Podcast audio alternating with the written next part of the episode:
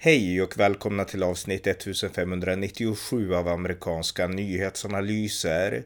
En konservativ podcast med mig, Ronny Berggren, som ni gärna får stödja på swishnummer 070-30 28 95 0. Här följer en uppdatering om det senaste i USA tillsammans med min svensk-amerikanske kollega Björn Nordström. Varmt välkomna! Björn Nordström, välkommen! Tack så mycket! Vi ska uppdatera igen om USA och det senaste som har hänt. Så ja, vi sätter igång. Ja, ja nej, jag tänkte bara nämna ett par saker och jag vill inte gå till, gå till den här abortdebatten allt för mycket, men ett par saker. Jag såg att Nya Zeelands president, en kvinnlig president, jag vet inte vad hon heter, jag kommer inte ihåg namnet på henne, men hon i alla fall, hon var ju helt emot det här beslutet. Det som är intressant är att jag glömde nämna det i förra podden. Precis, och det visar hyckleriet inom vänsterliberaler. När det gäller abortgrejen, då, har, då ska kvinnor ha rätt till sin egen kropp. Va? Men precis samma vänsterliberaler, inkluderat då Nya Zeelands president, de vägrade ge människor och naturligtvis då kvinnor med rätten till sin egen kropp när det gäller coronavaccinet. Då påtvingar man ju det vaccinet på i princip alla. Inte genom ett tvång, men att man sa om ni inte tar det här vaccinet då får ni inte gå ut och får ni sparken från jobbet. Med andra ord, det var i princip ett, ett, ett mjukt tvång. Va? Och det är någonting, och det är precis samma sak med det här med um, att, att man, man vill ta bort rättigheten för, för att göra val över sin kropp när det gäller vissa saker. Samma det här i USA då med, med det här second amendment med vapenlagarna jag funderat på som är grundlagsskyddat dessutom. Man vill inte att människor ska kunna försvara, sig, försvara sin egen kropp med vapen i USA. Då helt plötsligt gäller inte rätten till sin egen kropp, även om den rätten finns inskriven i grundlagen. Så det är väldigt mycket hyckleri kring det här. När det liksom, och det, det det kommer ju ner till politiken. Vilken, vilken ideologi har man och vilken politik står man bakom? Så det finns ingen konsekvens, liksom konsekvent tänkande bland många i det här, i det här sammanhangen helt enkelt. Nej, och det allra största hyckleriet just det här sammanhanget som rör aborter, det är ju att de här nu som är väldigt för eh, kvinnors rätt till aborter, de är ju också väldigt, de här vänsteraktivisterna, ex, extremisterna ska sägas, de är också väldigt kritiska till just de som har förespråkar liksom kvinnans rätt att adoptera bort barn, alltså så andra alternativ. De är helt emot det, de vill inte att kvinnor ska ha den rätten, utan det är bara behålla barnet själv eller abort. Precis, jag tänkte vara viktigt att nämna att det är otroligt mycket hyckleri kring det här. Jag själv har tror jag en ganska konsekvent inställning. Jag, jag, tycker man ska ha rätt att göra abort, det är naturligtvis en självklarhet för mig. Men jag tycker också att man ska ha rätt att inte behöva ta ett coronavaccin och man har rätt att försvara sig med vapen. Så för mig är det liksom man har rätt till sin kropp oavsett vilket ämne. Så att jag tror att det är skillnaden om någon säger att men du tycker ju, nej jag tycker inte, jag har en konsekvent tänkande på det sättet. Mm. Ja, det håller jag med om. Eh, ja, vi, fortsätter. Vi fortsätter. Jag, jag tänkte nämna ett intressant och det här beslutet, det, gäller ju inte, det har ju ingen påverkan på Sverige överhuvudtaget. För det är liksom noll påverkan. Ändå går det, pågår en totalt sinnessjuk debatt i Sverige om abortbeslutet i USA, eller hur? Ett beslut som har en enorm påverkan på Sverige och resten av världen som inte diskuteras i Sverige överhuvudtaget, men som kommer att ha enorma konsekvenser är någonting, det, det, det HD-beslut som kommer att komma ut inom några få dagar. Det är, kallas för West Virginia versus EPA. EPA är Environmental and Protection Agency. Med andra ord, det är vad ska man säga, miljö... Jag vet inte vad det heter på svenska. Miljö, miljödepartement, ja tack så mycket. Och för att göra, jag ska, för att, i korthet betyder det beslutet att just nu under Barack Obama så tog EPA, miljödepartementet, ett, ett beslut som inte var grundat i demokratin. Det var, påminner om Mikael, Rigg, minst Mikael Ribbenvik tror jag han hette, som tog ett beslut om att alla syrier skulle få uppehållstillstånd i Sverige för ett antal år sedan. Eh, jag minns att det skedde, jag minns inte vem han var, men jag minns att det skedde, ja. Han tog ett beslut som inte var grundat uh, i demokratin överhuvudtaget. EPA i USA, Miljöpartiet i USA, tog ett beslut under Barack Obama uh, där man reglerade väldigt mycket hur, hur, hur, utsläpp får och inte får ske i USA, framförallt för, för, bland företag, med andra ord miljöutsläpp, liksom som företag gör då. Och det beslutet nu är West Virginia, jag tror det var 20 stycken olika delstater som, som stämde då eh, eh, uh, um, EPA för det. Och det, det, den stämningen är du HD som ska nu tas upp och vad det kommer att bygga. Eh, konsekvensen av det är att om West Virginia, de andra 21 delstaterna, men West Virginia var den som ledde stämningen. Om de vinner, vilket jag sannolikt tror att de gör det, för att den här konstellationen på HD nu är ju konservativ och verkar gilla um, Eh, vad ska man säga, eh, eh, delstaternas rättighet att bestämma själva. Det gör att om West Virginia vinner det här så kommer EPAs makt, miljödepartementets makt att minska dramatiskt i USA. Så många beslut som EPA just nu tar på federal nivå kommer att hamna på delstatsnivå och precis som det här beslutet då Roe vs Wade, när det slopades nu då, där man ska då rösta om hur aborter ska ske i varje delstat så kommer även miljöbesluten hamna hos väljarna och valurnan i, i delstaterna istället för uh, eh, EPA. Och det betyder till exempel att West Virginia, det, det, det börjar med att, att kolgruvorna i West Virginia har att göra med dem. Mm. De blev reglerade väldigt mycket. West Virginia har mycket kolgruvor. De blev reglerade och det gör att om West Virginia och de här delstaterna vinner det här så kan, så kan man helt enkelt så beslutar väljarna i varje delstat hur, hur miljöregleringarna i delstaterna ska se ut så att man kan börja släppa ut mycket mer avgaser, och luft, liksom avgaser i luften utan att federala myndigheter kan stoppa det. Och det är ju någonting som faktiskt påverkar globalt. Det påverkar ju hela världen hur mycket USA släpper ut när det gäller avgaser. Mm. Ja, det här kommer ju bli väldigt intressant. Det här har inte, tror jag, snappats upp så mycket i Sverige än, men när det väl gör det, då kommer det bli mer skriverier om det än om abortdebatten, tror jag nästan i alla fall. Uh, jag tror verkligen att jag är inte så säker på det. Vi får se. Det som är viktigt att poängtera här är bara att det här beslutet har precis som abortdebatten har det här, den här HD-domen som kommer ut har inget att göra med miljö eller utsläpp. Det har att göra med vem ska ta beslutet hur mycket avgaser som får släppas ut. Ska det beslutet ta av en myndighet eller ska det beslutet ta av väljarna på delstatsnivå? I en demokrati. Och det är det det handlar om. Så det handlar inte om avgaser och utsläpp egentligen. Det handlar om vem har rätten att ta beslutet inom den amerikanska demokratin och konstitutionen att besluta hur mycket avgaser och, och sånt där som ska släppas ut i USA. Mm, ja, det är en bra poäng för det gäller ju abortfrågan också såklart. Alltså det handlar om makten, Precis. vart makten ska ligga, inte vilka beslut som ska tas. Exakt. Vem ska ta sådana här beslut i framtiden med när det gäller sådana saker? Är det väljarna? Ska det hamna på väljarnas bord när man går till val eller ska, ska, ska det finnas kvar bland departementen och myndigheterna på federal nivå? Mm. Ja, eh, något annat? Ja, men jag såg att du minns att det var en, ja, det var du som nämnde det först till mig, men det var ju Myra Flores, hon som då är den nya republikanska kongressledamoten i en normalt väldigt starkt demokratiskt valdistrikt i Texas. Hon vann ju då någon slags specialval där nyligen. Mm. Hon i alla fall radade upp sig själv och det här visar hur, Nancy, hur vidrig Nancy Pelosi är. Nancy Pelosi är då den demokratiska speaker of the house. Myra Flores tog ett säte som var demokratiskt i Texas och, och gjorde om det till republikanskt. Hon är en invandrare från Mexiko. Hon i alla fall radade upp sig och sina barn bredvid Nancy Pelosi för att det är sån här photo opportunity. Man ska då ta foton bredvid då talmannen. Det är liksom då, vad ska man säga, det är, det är, uh, det är liksom en tradition i USA att man tar ett foto då. Och man ser, det finns på, på Youtube det här, man ser att Nancy, det här är fruktansvärt egentligen, Nancy Pelosi stod bredvid då Myra Flores barn. Men barnen tyckte, jag tror att Nancy Pelosi önskade att barnen stod för nära eh, Nancy Pelosi. Då stod normalt avstånd en fot ifrån henne och sådär va. Hon tog sin högra armbåge och, och tacklade till ungarna för att de skulle flytta på sig. Och det, vi pratar om barn som är, jag vet inte gamla, 8, 9, 10 år kanske. Så hon bokstavligen armbågade dem för att flytta på dem istället för att kanske göra något annat. Det, tittar man på videon så ser man hur det, det, ser hemskt ut alltså. En vuxen kvinna armbågar ett par små ungar som vill stå nära och ta ett foto. Hmm. Ja, jag måste titta på videon. Jag har inte sett den så att men. Eh, ja, ja den, den, har gått viral, den finns. Ja, mm. eh, ja något annat. Ja, de, ja, men visste du förresten att you know, uh, Rudy Giuliani blev ju attackerad i en affär för några dagar sedan? Jag läste det lite um, snabbt, men aldrig, inga detaljer. Nej, fortsätt. Ja, mm alldeles efter det här Roe vs Wade så gick han, jag, tror, jag minns inte om det var en affär eller en restaurang, men han blev i alla fall um, fysiskt attackerad av en, en, person, av en anställd i restaurangen eller affären i alla fall. Så det här visar ju då att fortfarande människor, det här måste ju vara en vänster, vänstersida då naturligtvis, men det visar att det finns ingen respekt för beslut som tas utan man anser att våld är liksom vägen att gå när man inte får som man vill.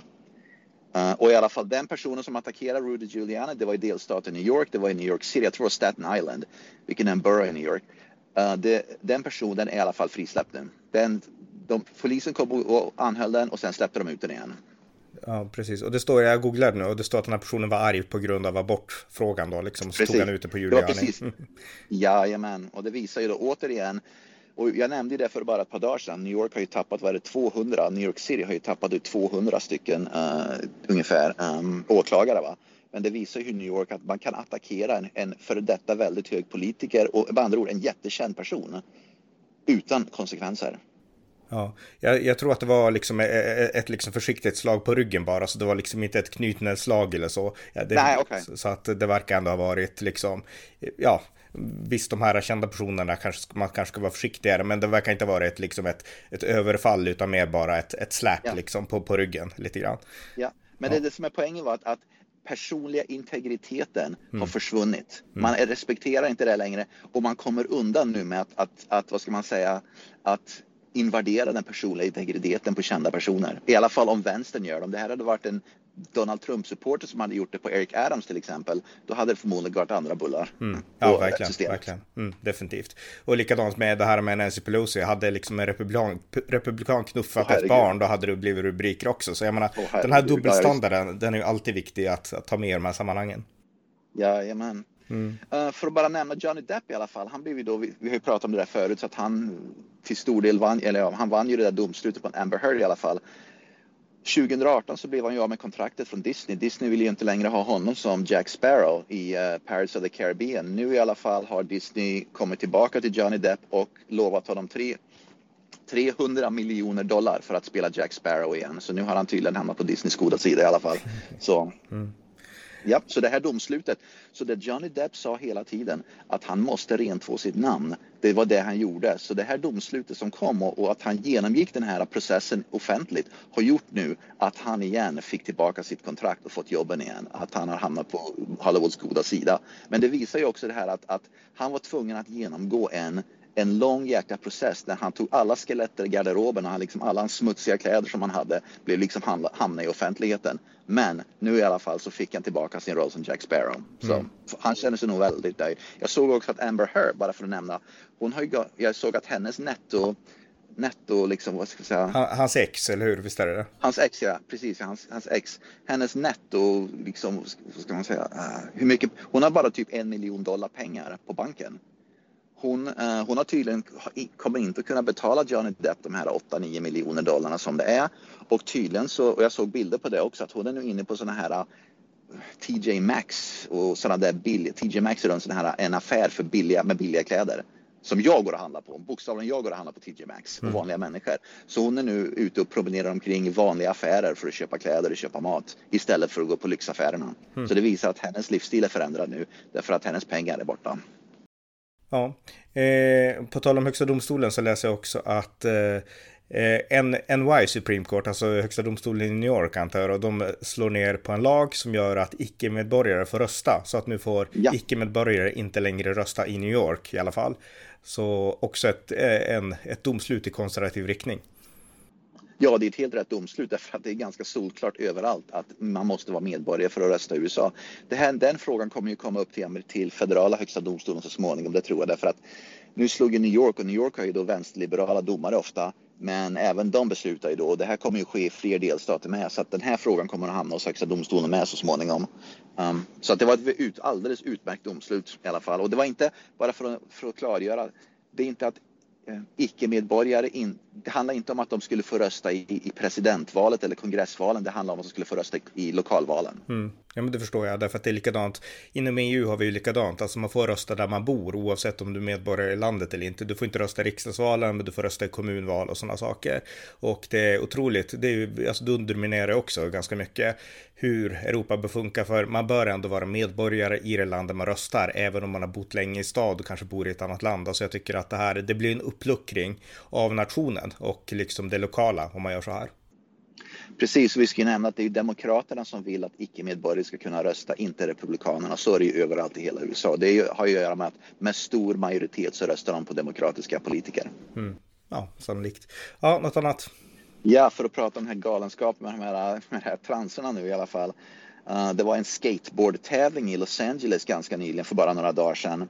Och det var framförallt barn som deltog. Och det visar, det, det, det, man tror att det här är parodi, alltså det är ett skämt, men det är det inte. Så det var en massa barn som deltog så här. Jag tror det var en 13-åring som kom, en 13-årig flicka, det var en damtävling, en flicktävling. En 13-årig flicka kom tvåa, en 7-årig flicka kom trea. Så det var i princip en tävling som alla fick vara med om, fick vara med på, men det var framförallt riktat till flickor, unga flickor. Vinnaren i skateboardtävlingen var en biologisk man som var 29 år och sen tvåan var en 13-årig flicka och trean var en 7-årig flicka. Det visar ju hur galet allt det har blivit alltså. Ja, verkligen. Ja, eh... Alltså en bi biologisk man som då var eh, av kvinnligt kön. Ja, precis. Ja, det är helt, det är helt vansinnigt, verkligen, verkligen. Ja. Ja, jag tänker också fortsätta på tal om um, att det går inte speciellt bra för Demokraterna nu. Uh, nya statistiken är att sedan årsskiftet har ungefär en miljon väljare som varit registrerade för det demokratiska partiet Eh, bytt, bytt och registrerat sig för det republikanska partiet. Så det är en enorm massflykt från Demokraterna till Republikanerna just nu. Vi får se hur det går, till, går i valurnorna i höst. Men, eh, men när den väljarflykten går åt det hållet och man registrerar sig med det andra partiet så visar det att man också eh, är intresserad av att rösta på det andra partiet när det väl går, kommer till val. Ja, verkligen.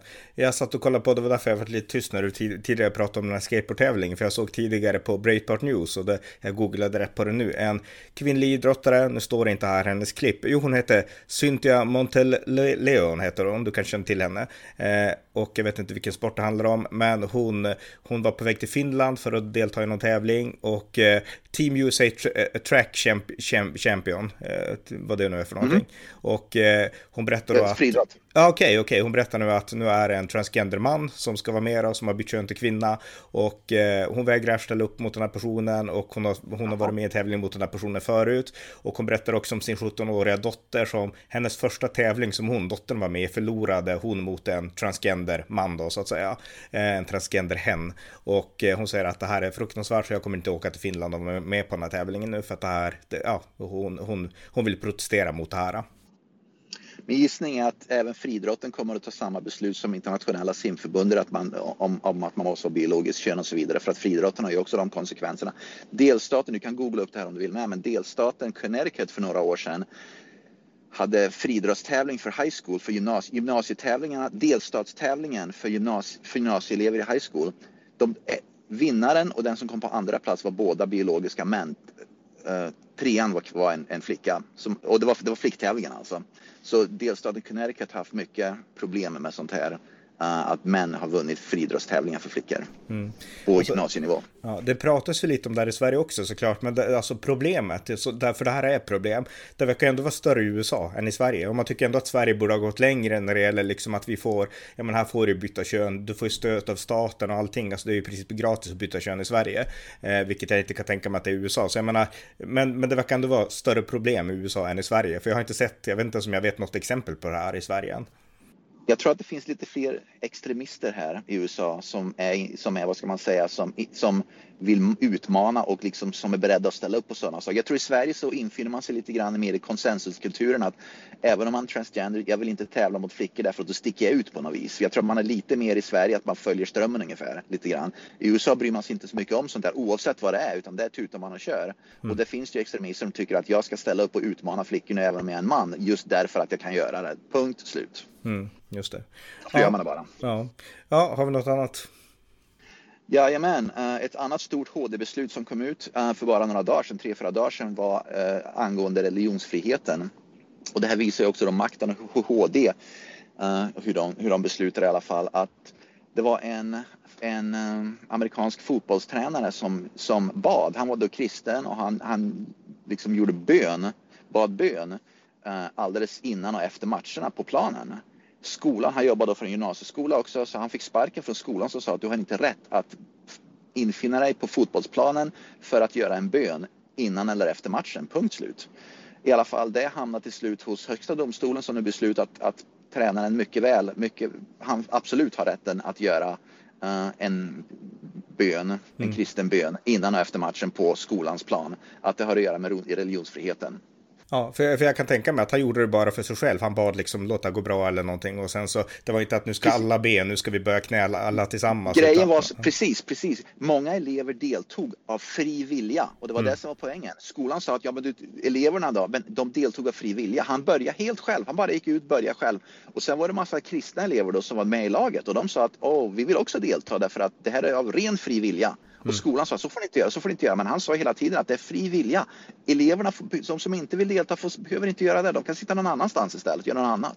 Mm. Så det handlar om fri vilja också. Han tvingar ingen att göra någonting utan det var, allt var fri vilja. Ja, men, men här har vi återigen den intressanta kontrasten till Sverige. Därför att man, USA är mycket mer religiöst, många fler troende, aktivt troende i USA än i Sverige. Och USA har ju också alla de här idéerna om liksom religionsfrihet på ett sätt som är liksom grundmurat i konstitutionen på ett sätt som visserligen är skyddat. Sverige är också grundlagsskyddat, men alltså USA hypar ju de här rättigheterna på hela tiden på ett sätt vi inte gör. Men jag har svårt att tänka mig att de här konflikterna skulle kunna finnas i Sverige. Jag menar, ingen skulle brytt sig. Det är snarare så i Sverige, utan då hade man tänkt, ja, ungefär.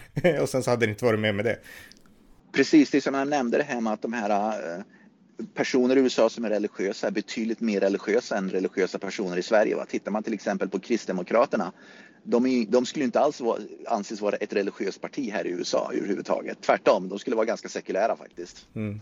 Jo, jo, och det är mycket, de är mer extrema åt andra hållet. Alltså de är mer religiösa och de är mer antireligiösa. Alltså det är ju det, det är mycket Precis. mer, ja, konfrontationen Precis, man är, mer, som, som, som, vi nämnde nyss det här med transgender, mm. man, är mycket mer, man är mycket mer extremt transgender mm. än man är i Sverige. Att liksom extremiteten går åt bägge hållen, så ja. är det ju bara. Mm. Ja, något annat? Den sista grejen som jag har, det var du som skickade, hade läst någonting också, det här Miranda rights äh, är ju då HD tog, Högsta domstolen tog ju beslut att Miranda rights behöver man inte längre. Det finns inget skydd. Man kan inte längre stämma polisen för att inte läsa Miranda rights. Och Miranda rights, det är det här som man ser på i amerikanska filmer någonsin att du har rätt. You have the right to remain silent och bla bla bla. Det är liksom den grejen som när man arresterar någon så måste man säga Miranda rights. Och man ser det i amerikanska filmer konstant. Eh, mm. Och den i alla fall, om poliserna inte gör det nu så kan de inte bli stämda, vilket de har kunnat bli förut. Och den teknikalitet, en intressant teknikalitet i det i Sverige. Va?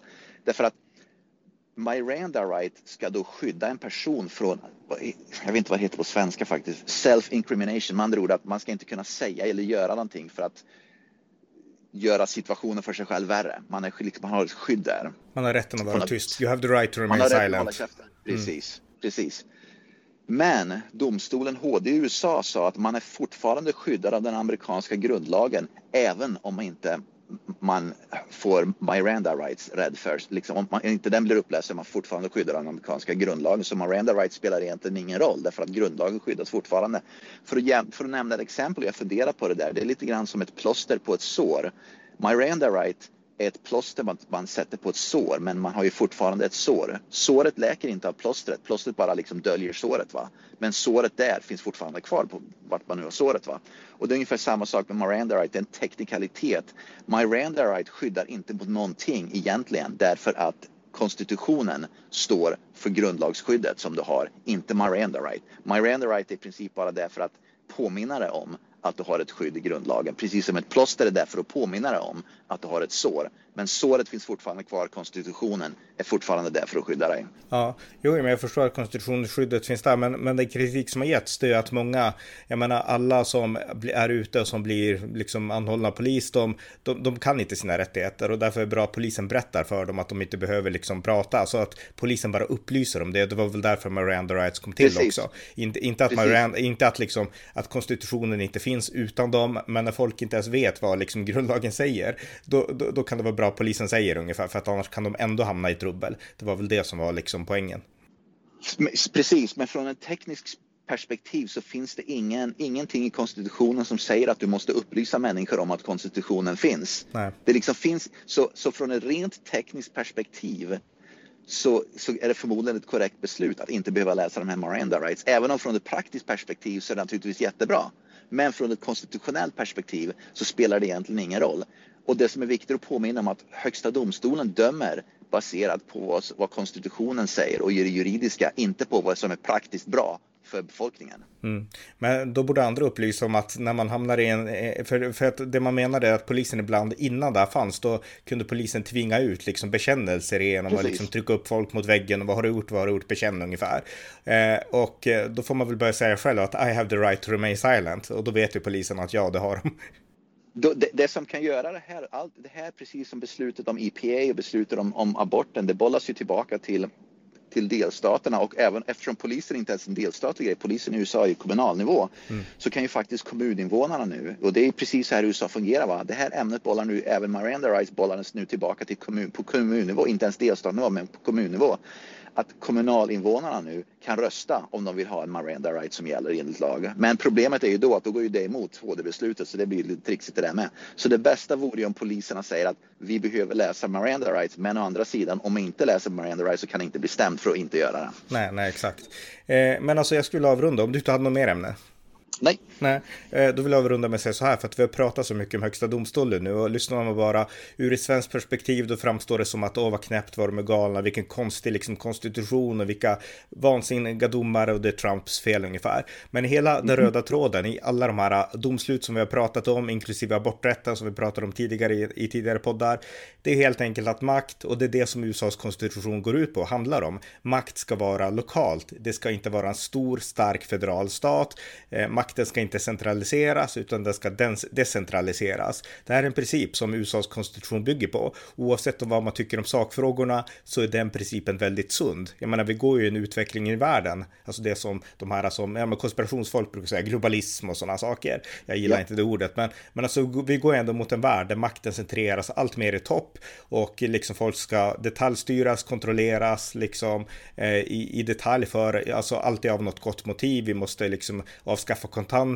vi måste ha en bättre miljö och därför så ska vi kontrollera era liv mer och mer.